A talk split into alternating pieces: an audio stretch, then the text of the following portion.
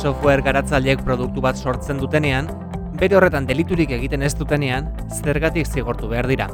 Aste bertan jakin dugu, programen atari bezala funtzionatzen duen GitHub orrialdetik YouTube DL aplikazioa kendu behar izan dutela. Askori arrotza egingo zaizue bailekua eta baita programa bera ere. Duela urte askotatik, bideoak bera kargatzeko erabiltzen den programa da YouTube DL. Eta bai, bere izenetik ulertu litekeen bezalaxe, YouTube ataritik ere bideoak eskuratu litezke berarekin. Baina ez soilik YouTubetik, baita beste mila atarietatik ere.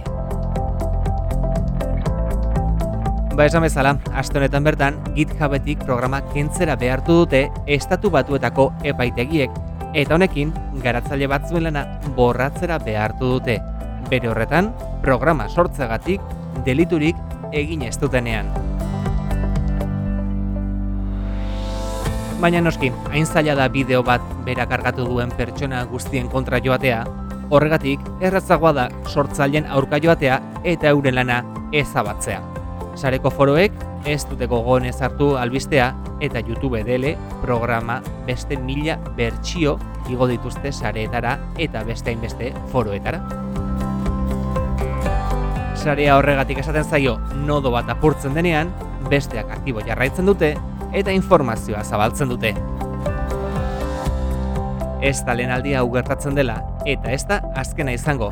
Beraz, laster izango dugu antzeko beste albisteren bat ere. Eta hementxe entzun ahal izango duzue. Xabi unanu naiz, ongi etorri denoi Xabi Duako amargarren ediziora. Ongi etorri denoi teknologia albisteen astekarira. Xabildua podcast.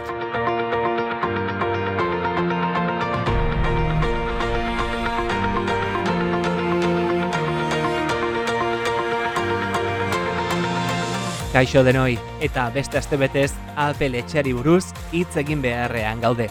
Baina kasu honetan alde batera utziko ditugu gailuak eta bengogatik softwareari buruz hitz egingo dugu. Azken orduetan saretan zabaldutako zurrumurruen arabera, sagar murtxikatuaren enpresa bilatzaile bat prestatzen baita bil. Google etxe boteretsua alde batera usteko. Ez da lehen aldia, Applek estrategia hau erabiltzen duela, duela urte batzuk, mapa zerbitzu propia merkaturatu zuelako. Google Maps alde batera usteko. Apple gailuetan, Apple programak soilik. Erabaki honek zer esan emango du. Batetik, estatu batuetan Google epaitegitara eraman berri dutelako bilatzaileen munduan monopolioa ezartzagatik.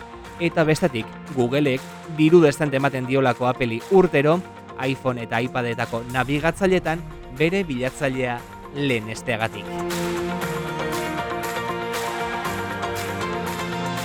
Esan dakoa, zurrumurrua baiestatzen bada, kolpe ikaragarria izan liteke G handiaren zat. Eta noski, baita apelentzat ere. Eta estatu batuetatik, espaziora. Elon Musk Teslako buruak jakitera eman duenez, laurogeita emeretzi euroren truke satelite bidezko internet zerbitzu eskainiko du. Starlink izena jarri dio bere enpresa berriari eta zerbitzu honek berrogeita mar eta eun eta berrogeita mar megabiteko abiadura eskainiko du. Elon Musken enpresa berriak amabi mila satelite txiki jarri nahi ditu orbitan zerbitzu egoki bat eman ahal izateko Starlinkekin. Hori bai, amabi mila jarri nahi ditu espazioan, baina bada ez bada, hogeita mar milarentzako eskatu du baimena. Proiektua ongi urten ezkero, merkatua guztiz bere ganatzeko. Gaur gaurkoz, bederatzireun satelite ditugu buru gainean. Starlinken sarea osatzeko amar mila milioi dolarreko inbertsioa eginda, baina errentagarria izango dela uste dute aurre ikuspenen arabera urtean hogeita mar mila milioi dolar eskuratuko dituztelako.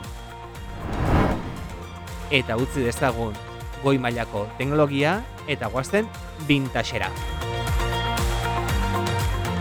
Vintage teknologia moda modan dagoela esan dezakegulako, Duela aste batzuk, erresuma batuko herriska batean zeuden interneteko mozketak telebista zar batek egindako interferentziek sortuak zirela jakin genuelako.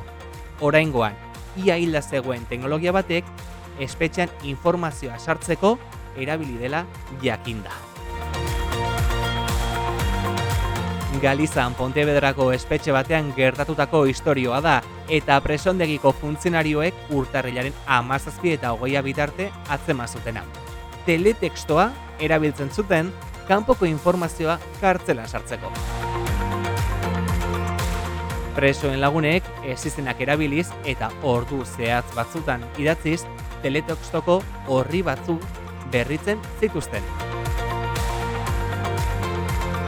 Eta horrela, bertatik kanpoko informazioa helarazten zieten kartzelan zeudenei. Kontaktuak eta iragarkiak erabiltzen zituzten. Orain eman dute jakitera urte hasieran gertatutakoa, baina bada ez da presondegiko funtzionarioek dagoeneko neurriak hartu dituztela eman dute jakitera La Voz de Galicia egunkarian. Teletextoa kapatu egin dute.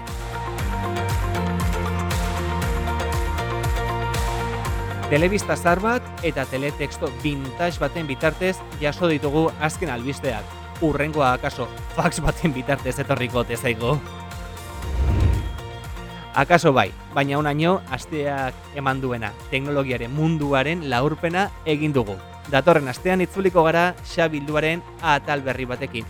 Bitarte horretan gure saioa berriro entzun nahi baduzue, iBox, Apple eta Google Podcast, Spotify, Anchor eta podcast zerbitzu nagusietan topatuko gaituzue.